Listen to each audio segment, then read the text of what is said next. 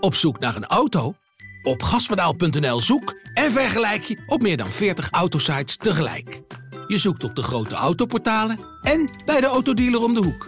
Je hebt het grootste aanbod en maakt daarom de beste vergelijking. En zo mis je nooit meer een auto. Zoek en vergelijk op gaspedaal.nl. Dit is een aanslag op onze rechtsstaat. Wiersum was de advocaat van Nabil B., kroongetuige in het liquidatieproces rondom topcrimineel Ridouan Taghi. Elke moord is heel erg, maar als deze moord te maken heeft met de verklaringen die zijn afgelegd door de kroongetuigen, is het nog erger. Welkom bij de Taghi-podcast van Het Parool. Mijn naam is Corrie Gerritsma en ik zit hier zoals gewoonlijk met Paul Vught en Wouter Laumans, allebei misdaadjournalist bij Het Parool. Welkom jongens. Hoi. Uh, vandaag gaat de naam Taghi misschien een keer niet heel veel vallen, want we gaan het over iemand anders hebben, Wouter, over Noffel. Kan jij vertellen wie hij is?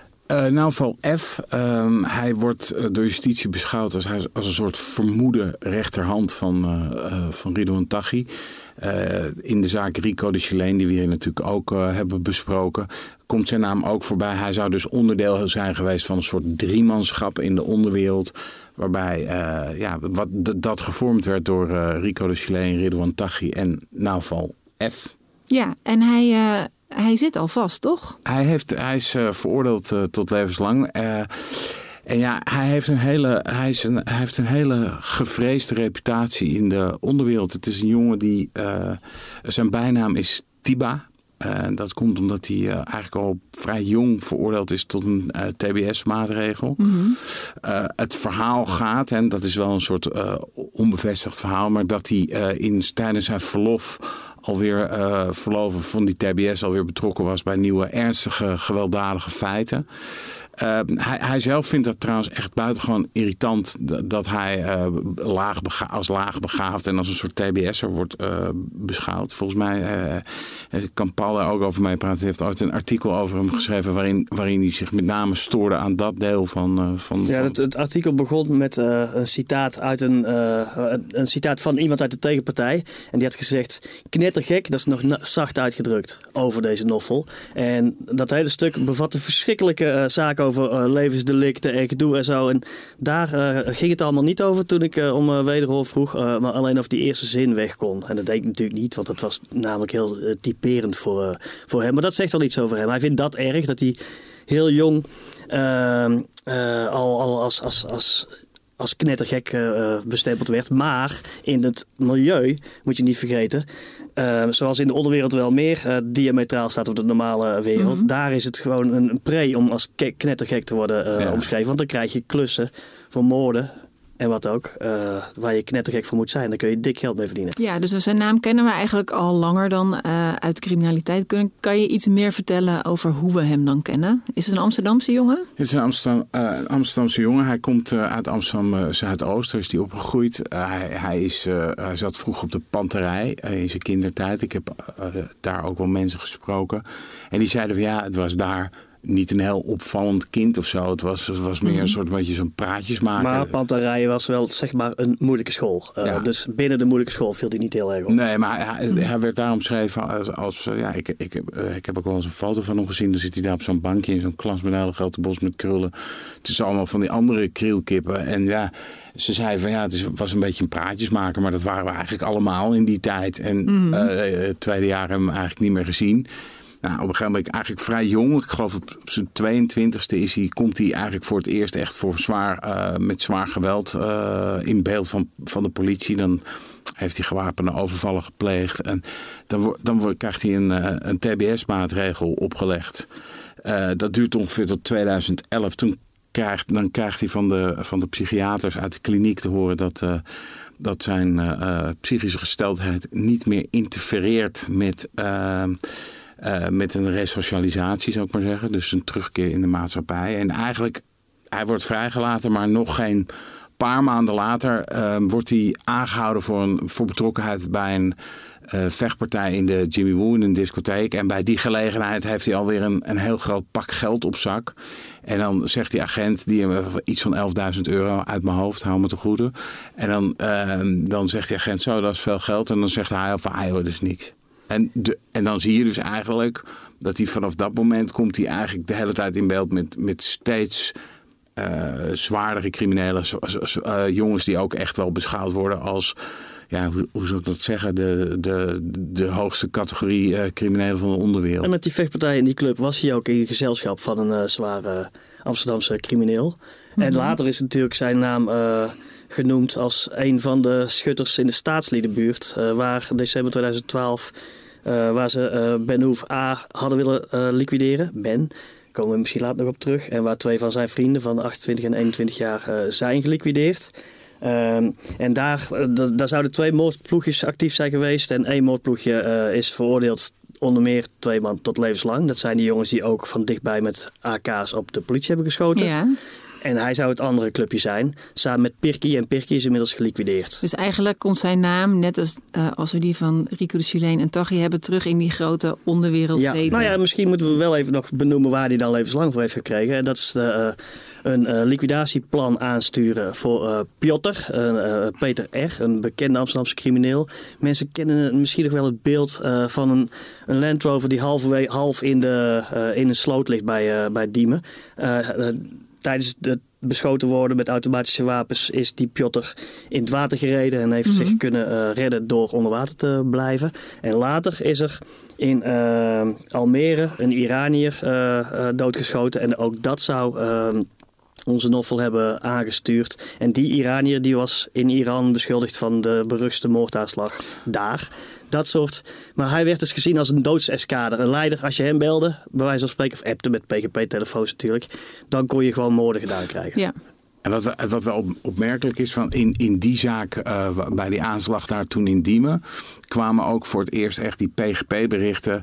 Uh, heel, uh, daar kwam een hele, heleboel kwamen er van naar buiten. Dus je hoorde eigenlijk, of je zag hoe hij praatte. En dat, is nu een paar jaar later wel, kwamen die berichten naar buiten, toch? Ja, die kwam, maar dat kwam tijdens de inhoudelijke behandeling van die zitting. Toen, toen die behandeld werd, kwamen die berichten eigenlijk voor het eerst naar buiten. En dan, dan kon je dus eigenlijk lezen of meelezen hoe van hoe, hoe dat dan gaat na zo'n mislukte liquidatie. Ja, en hij gaat helemaal door het lint dat die liquidatie uh, mislukt is in, in onverbloemde, uh, met krachttermen doorspekte uh, zinnetjes waarbij om, de, om de havenklap het woord KK valt. Mm zegt hij van, joh, jij hebt het ver, verpest tegen een van die jongens die daarbij betrokken is. Jij bent, bent verantwoordelijk en op mijn kinderen en op mijn moeder, ik zweer je dat, dat ik jou pak als, je, weet je wel, als dit misloopt. Dus je ziet ook in die, in die appjes ook wel een soort met van hoe hij.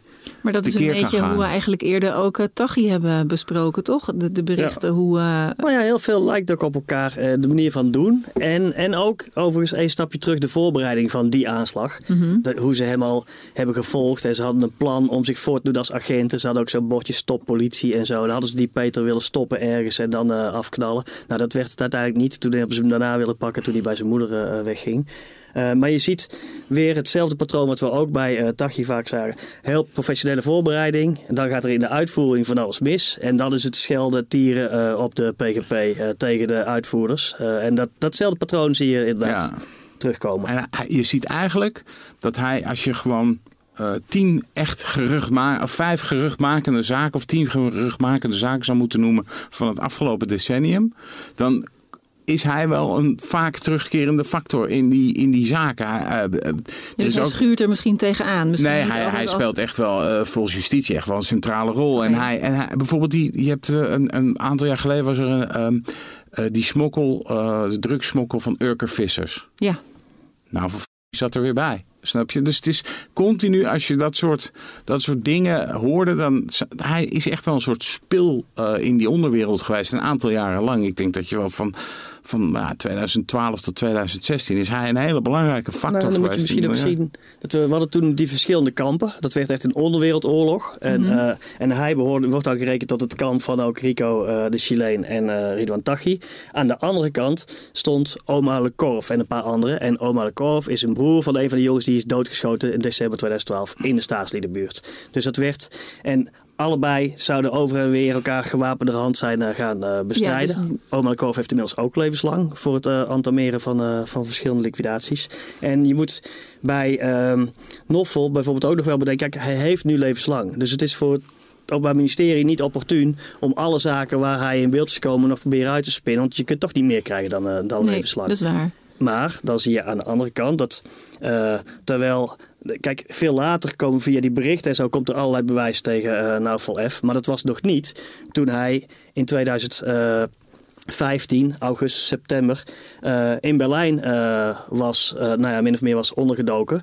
En toen heeft de tegenpartij geprobeerd hem te liquideren. En daarover loopt nu een zaak waar we het zo over ja, hebben. en wie is dan de tegenpartij? Is dat een partij of een groep die we hier ook al eerder hebben besproken? Dat is die groep rond weer... Oma Lekov. Okay. Uh, en aanverwanten, we zullen niet te veel namen noemen, want dan wordt iedereen uh, duizelig. Ja. Uh, maar er was een vaste ploeg, die had wat vaste handlangers en zo. En door dat onderlinge berichtenverkeer, dat allemaal in handen is gekomen van het Openbaar Ministerie en leesbaar gemaakt, kun je heel goed lezen hoe zij elkaar naar het leven staan. En Ja. dat geldt zowel van de hoek van Tachi, Rico de Chileen en uh, Noffel, als van de andere kant. Zijn het echt berichten over uh, hoe, groot beslaat, hoe groot is die periode eigenlijk die dat beslaat? Is dat een jaar of zijn het jaren inmiddels, met die inmiddels nummers? met alle servers die er in, beschi- in beslag genomen zijn, ja, heb je het bijna vanaf een periode, nou ik meen wel 2013 tot. En je mist natuurlijk ook heel veel hè, informatie, Mhm. want het zijn, het zijn vaak flarden, maar tot, ja, gewoon eigenlijk tot 2020 wel. Ja, dus echt jarenlang. Ja, ja en dan zie je, en misschien is het toch wel tekenend eh, eh, voor uh, Nauval F. Noffel. Eh, bijvoorbeeld eh, toen hij de moordopdracht aan het uitzetten was, ook volgens de eh, rechtbank, eh, op die Iranier. Dan zie je dat was, dat was een Iranier van 56. Maar je ziet hem typen eh, naar de uitvoerder van eh, ah, een makkelijke Turkse mannetje die, met een witte bus, weet je wel. Een makkelijk Turks mannetje met een witte bus. Het was een Iraanse meneer met, van 56. Eh, geen- oh ja, een 40er, dat zegt hij ook. En het was een man van 56. Het boeit ze gewoon bijna niet. En het is, hij zegt ook, hahaha, ik weet verder eigenlijk niks van hem, maar gewoon afknallen. En, en, en je vertelde net hè, dat hij zat een tijdje in Berlijn. Wel Ja. of niet ondergedoken, weet ik niet. Maar waarom waren ze op dat moment naar hem op zoek? Voor die schietpartij? Nou, Er waren de verschillende zaken. Hij is ook nog in beeld eh, gekomen na, eh, vanwege de liquidatie van de Amsterdamse crimineel Lucas Boom in Zaandam voor een eh, basisschool. Eh, een vreselijke zaak. Daar kunnen mensen ook nog wel beelden van kennen. Van eh, iemand met een AK die ook gewoon in een woonstraat voor een school dus, eh, loopt. En dan schiet ze uiteindelijk die Lucas Boom dood. Ehm, in die periode 2015, later nog 2016, is er zo ontzettend veel gebeurd waar zij aan gekoppeld werden. Hij met zijn groepje. En ze zijn dus niet alleen voor het OM op de vlucht, maar ook voor de tegenpartij. elkaar, ja. ja. Is er, is er vaker, nou we moeten even die aanslag in Berlijn, of nou het werd eigenlijk geen aanslag, misschien is dat het verhaal Ja, toch? ja, en daar, ehm, daar speelt nu die, eh, de inhoudelijke behandeling van de strafzaak over. Mhm. Eh, er zijn twee eh, grote zaken dan tegelijkertijd aan de hand. Dat ploegje dat eh, dus van eh, oma Le Corve en consorten, eh, dat heeft volgens justitie toen in Berlijn geprobeerd Noffel te liquideren. En hetzelfde ploegje heeft in 2016 eh, de verschrikkelijke zaak, de liquidatie van Jordi Latumahina, een DJ. Ja, en die niet het beoogde doelwit was hè? die werd aangezien, die reed in een gelijksoortige auto als een crimineel. In Amsterdam-West in een appartementencomplex stond hij. En die is daar, dat is een vreselijke zaak, die is eh, doodgeschoten. Toch volstrekt onschuldig. Zijn vriendin is zwaar gewond geraakt terwijl hun eh, dochtertje achter op de achterbank zat en zo. En dat zou zijn, en in die zaak, die is later in de tijd gebeurd. Maar daar zijn, eh, is de rechtszaak al over geweest in de eerste ronde. Ja. En in die zaak zijn verdachten die nu worden eh, vervolgd voor de, de, de moordplan voor Noffel, zijn daar al tot hele zware straffen veroordeeld. Bijvoorbeeld 30 jaar, 26 Maar het is misschien jaar. een beetje een flauwe vraag. Hij is niet, er is geen moordaanslag geweest op hem. Waarom, Nee. waarom wordt dat dan eigenlijk nu zo uitgespeeld Oh in ja, de kijk, rechtbank? het is ook verboden om een eh, moord voor te bereiden, Corrie. Dus haal het niet in je hoofd. Nee, Maar- ik, ik ben heel onschuldig in al dat soort dingen. Maar ik bedoel meer... Nee, maar het is, kijk, het, het Openbaar Ministerie vindt het gewoon belangrijk dat, dat er korte metten wordt gemaakt met dit soort eh, eh, over en weer liquidaties. En hier kun je, en dat is wel interessant, ehm, ook hier zitten weer veel berichten erin en zo. Er komt een hele presentatie voorbij straks. Eh, en daar zie je over en weer hoe Oma Lekorf en een ander bespreken waarom deze hoerenzoon eh Noffel F dood moet. Want die motherfucker is als een soort god voor ze, dat schrijven zij Ja. eh, voor zijn groep. Eh, het gaat om een half miljoen dat op zijn hoofd wordt gezet. Ehm, en ze zijn van plan geweest om het in Berlijn in, in een hele luxe winkelstraat, hun PC Hoofdstraat wordt, Ja. wordt het genoemd.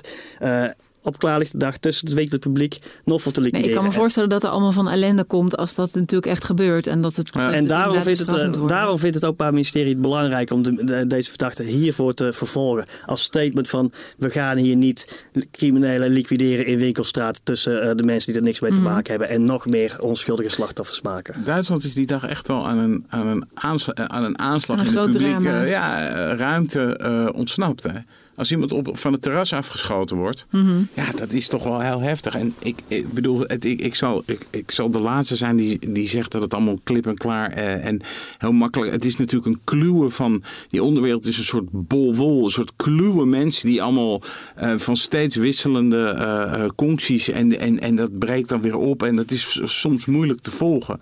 Maar dat Openbaar Ministerie zegt gewoon van joh, wij tolereren geen eigen richting. Wij tolereren het niet dat mensen elkaar op klaarlichte dag in de stad kapot schieten. In welke stad dan ook. En, als, ze- en, en ze geven hier ook wel het signaal eh mee af. Joh, dit, dit verjaart niet. Dit laten we nooit zitten. Ja, er zijn nu wel criminelen in verwikkeld die heel lang voortvluchtig zijn geweest. Er is eh, op 17 juni eh, net eh, weer een eh Galit eh, eh, eh, ge- gearresteerd. Die een van de eh, eh, verdachten die al jarenlang voortvluchtig was. En, en Mhm, Maar voor werd. deze plannen. Voor deze zaak ook, ja.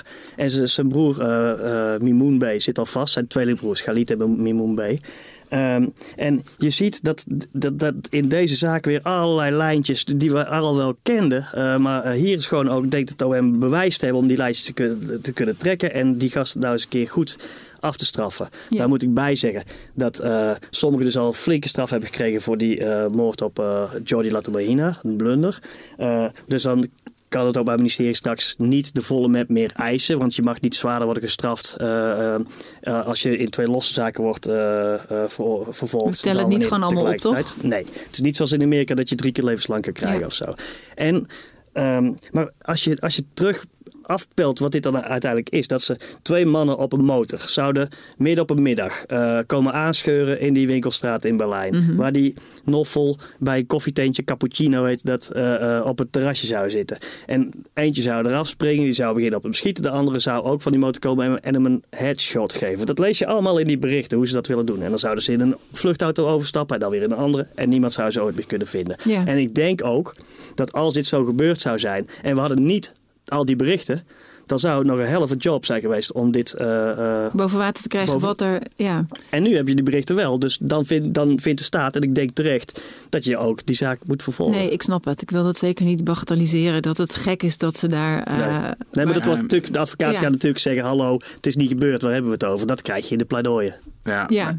Maar nog even, want waarom woonde Noffel dan voor de helft van de tijd in Berlijn of zo? Of hoe hebben ze hem daar dan Eh, kunnen vinden? Of... Dus er er waren Amsterdamse criminelen die, die verbleven al een tijdje in Berlijn, die hadden hem gewoon daar gezien. Eh, en toen gedacht: hé, hey, En hij dronk we vaak cappuccino bij Ja, cappuccino. moet, je moet je je voorstellen, die, die, die, eh, in die tijd, en, en eigenlijk nog steeds, want je ziet nog steeds dat criminelen overal ter wereld worden opgepakt. Die mensen leven een soort eh, nomadisch bestaan. Hè? En dan eh, niet nomadisch van, eh, van stadje naar stadje, maar echt van, bijna van land naar land.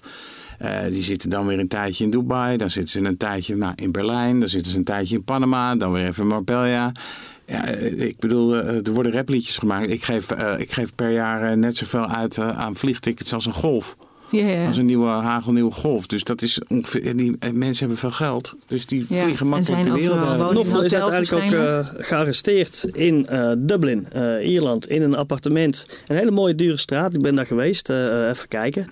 Eh, de PC-hoofd van Dublin. Ja, meer een woonstraat, maar wel mooie grote kapitale panden en zo allemaal. En toen zat hij dus weer in Dublin en het pand was weer van een hele beruchte eh, drugshandelaar uit, eh, uit Ierland. Daar gaan we het verder niet over Ja, een groot netwerk. Ja. Maar nog even, die heeft hij dan geweten? Want hij was dus vaak in Berlijn en ze hebben hem helemaal geschaduwd en wisten waar die koffie dronk en zo. Ja. Is hij dan getipt? Nou, dat is grappig, want eh, een van de hoofdverdachten van de strafzaak die nu dient, Ja. Cedric R. Bolle noemden ze hem, hij is niet dun. Eh, en die, eh, die zou, dat zou het brein zijn dat daar lokaal moest gaan uitvoeren, de moord. Ja. En die zegt nu dat, hij, dat hij zelf hem heeft laten tippen.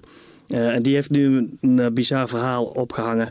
Uh, waarin hij stelt dat hij weliswaar in die berichten heel duidelijk die moord concreet aan het voorbereiden is en zo. En de schutters moeten dan en dan en met de motor. En, alleen hij zegt dat was van mij een toneelspel. Ik heb hem laten wegtippen. Dus via, via, via zou Noffel zijn gewaarschuwd. Die zou weg zijn gegaan. Dus zegt hij, het was helemaal niet zo dat er echt een moordplan uiteindelijk meer overbleef. Alleen alle anderen dachten dat wel, maar ik niet. Um, en ik wilde gewoon wat geld pakken. Hij zegt, ja, ik wilde pakken wat ik uh, pakken ja, precies. kan. Dus of hij pakt het door iemand te vermoorden of hij pakt het door iemand te ja, er zitten wel wat hiaten in het verhaal. Bijvoorbeeld dat doorgaans geen geld wordt uitgekeerd als jouw moord dus niet is doorgegaan. Dus wat voor geld ging hij dan pakken? Nou ja, van uh, Noffel die hem dan dankbaar is voor de tip.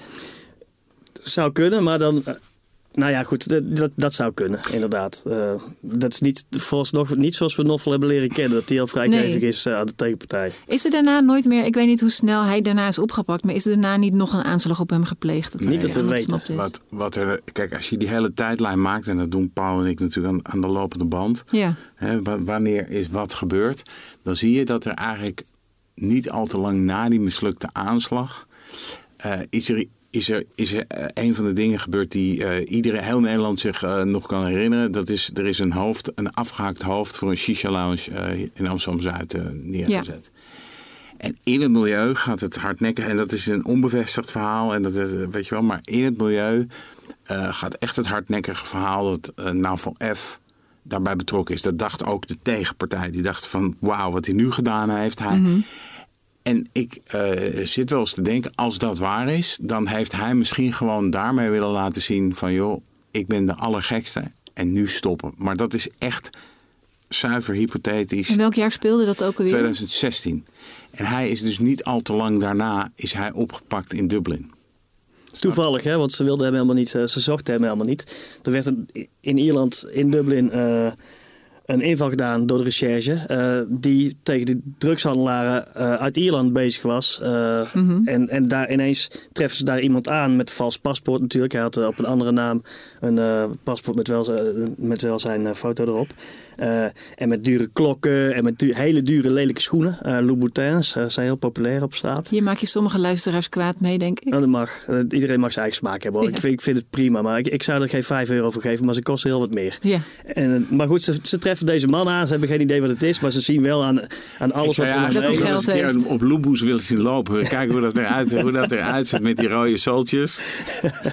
Dit was er een met blauwe schubben en zo. Nou ja, goed. ja, lekker opvallend in ieder geval. Ja, nee, kijk, als je niet wil op dat is, dat is altijd het dubbele natuurlijk in deze wereld. Het is de onderwereld, je moet eigenlijk ongezien blijven. Maar ondertussen heb je enorme klokken die je normaal aan een kerk ziet hangen. En ze hebben van die Louboutins en, uh, ja, en ze vallen ontzettend wel op. Nou, maar goed, de eerste politie valt daar binnen, vinden hem, treffen hem daar aan met al die, die spullen die heel erg aan criminelen gelinkt worden. En denken, wie is dit? En nou, uiteindelijk denkt Nederland, wauw, hey, onze noffel. Krijgen ze in de schoot uh, ja. geworpen eigenlijk. Dan komt er nog een heel gedoe over zijn uitlevering. Sleept nog steeds een zaak daar, dat het allemaal niet in, in orde zou zijn geweest. Is ook laatst weer afgewezen.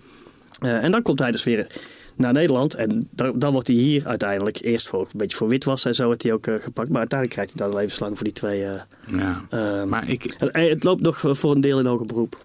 Ja, en ik, en, en ik denk dat, dat er.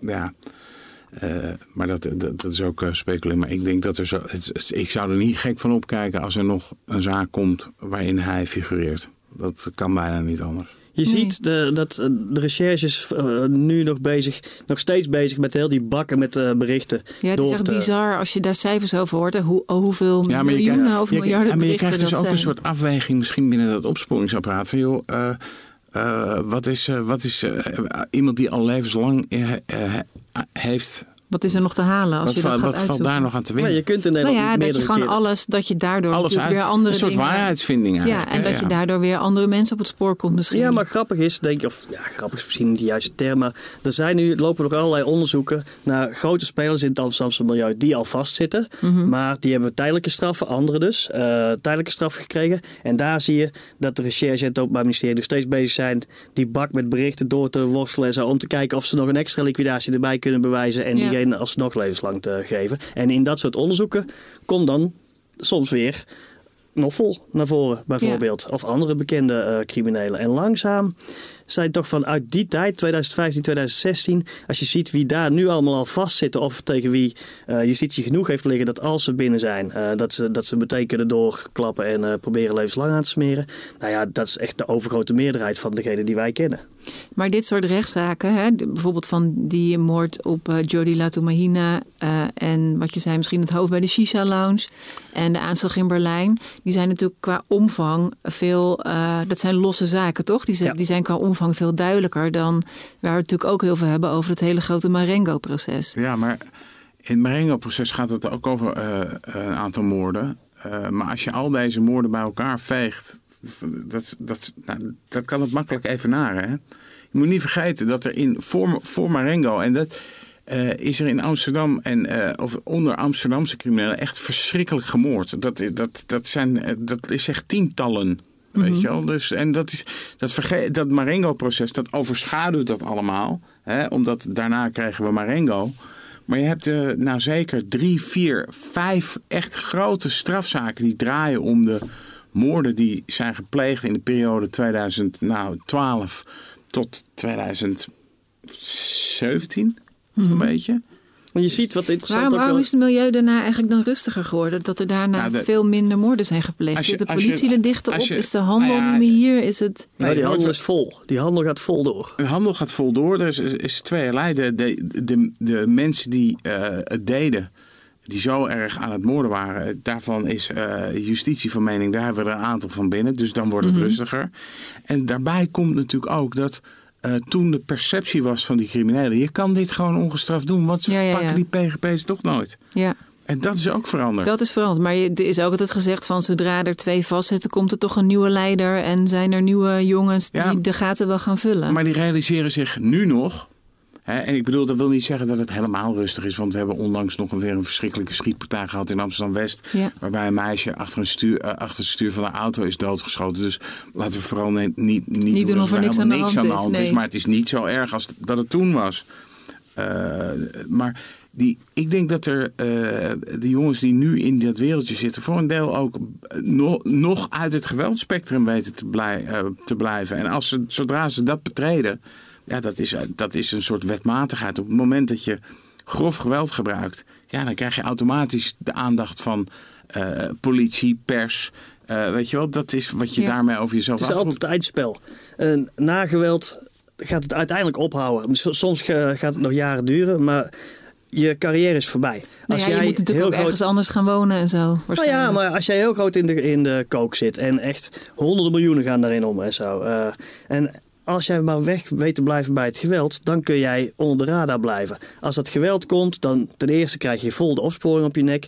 De, de rivaliserende partij waar het slachtoffer is gevallen gaat achter je aan. En, en dan, dan dat is een vicieuze cirkel, die kom je niet meer uit. Nee. En dan, je ziet nu ook weer, dat vergat ik net nog te vertellen, uh, een van die twee broers uh, die dan uh, 17 juni is gepakt in België voor weer betrokkenheid bij dit moordplan van Noffel, staat ook weer aan de andere kant in een van de grote processen rond Ridwan Taghi op de lijst van, van slachtoffers. Die is in Rotterdam ontkomen aan een liquidatie. Doordat hij door een ruit is gesprongen eh, op de vlucht en in een gezinnetje hun huis heeft eh, gescholen en verscholen. Dus dan zie je die verwevenheid, dat geweld, onderlinge geweld en zo, dat, dat zit in die processen, zit dat nu allemaal wel heel erg aan de oppervlakte. En dat degene die nu vandaag de leiding hebben in het milieu. Daarvan weten wij dat nog helemaal niet. En die, uh, van hoe dat precies zich zal ontrollen. Dus je loopt altijd een paar jaar achter en zo. En door die berichten, ja. ja er, worden steeds maar weer servers ontmanteld en zo. Dus we, we gaan nog jarenlang. Ja, er was volgens mij laatst weer nog weer een server, toch? Ja, ja en die, was, die kreeg zelfs bijna geen aandacht meer, omdat het de zoveelste was en niet zo heel groot. Maar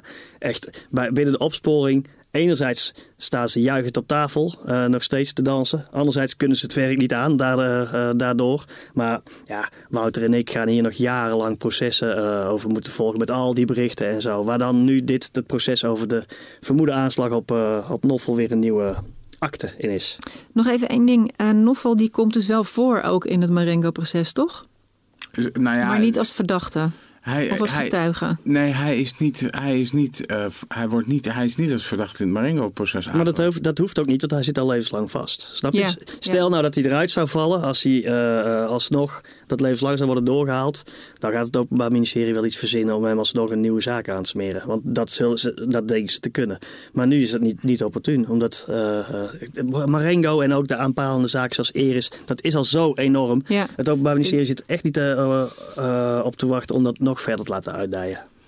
Nog even de. ehm, wanneer weten we iets over of de. Ik ben even zijn naam kwijt. Cedric, zei je? Echt, Of, ja, hij, Cedric eh, of we Bol. erachter komen of hij echt uh, nog wel heeft uh, getipt of niet. Uh, ik denk dat het nooit bewezen zal worden. En het zou zomaar kunnen. De, de, de, rechters zijn zeer kritisch op dit verhaal. Ja. Er zitten wel allerlei aanwijzingen in dat, dat hij wel gewoon. Uh, of gewoon, zo gewoon is het niet, maar dat hij wel die moordploeg aanstuurde. En het Openbaar Ministerie zal daar volop aandacht voor vestigen. En je merkt aan de vragen die de rechters stellen dat ze denken: hé, hey, waar komt hij nou met dit uh, rare verhaal van, mee vandaan? Ja. Oké, jongens, ik denk dat we gaan afronden. Wouter, heb je nog iets, iets prangends wat je hierover kwijt wil? Nou, volgens mij is het meeste nu. Uh, het meeste is gezegd. Nou, Paul heeft altijd wat te melden, dus dan doen we die microfoon gewoon niet meer open. uh, dan zeg ik tegen iedereen: fijn dat je luisterde naar deze Tachi-podcast van Het Parool. Als je abonneert op deze podcast, ben je de eerste die het hoort als er een nieuwe aflevering is. En heb je vragen voor Paul, Wouter of mij?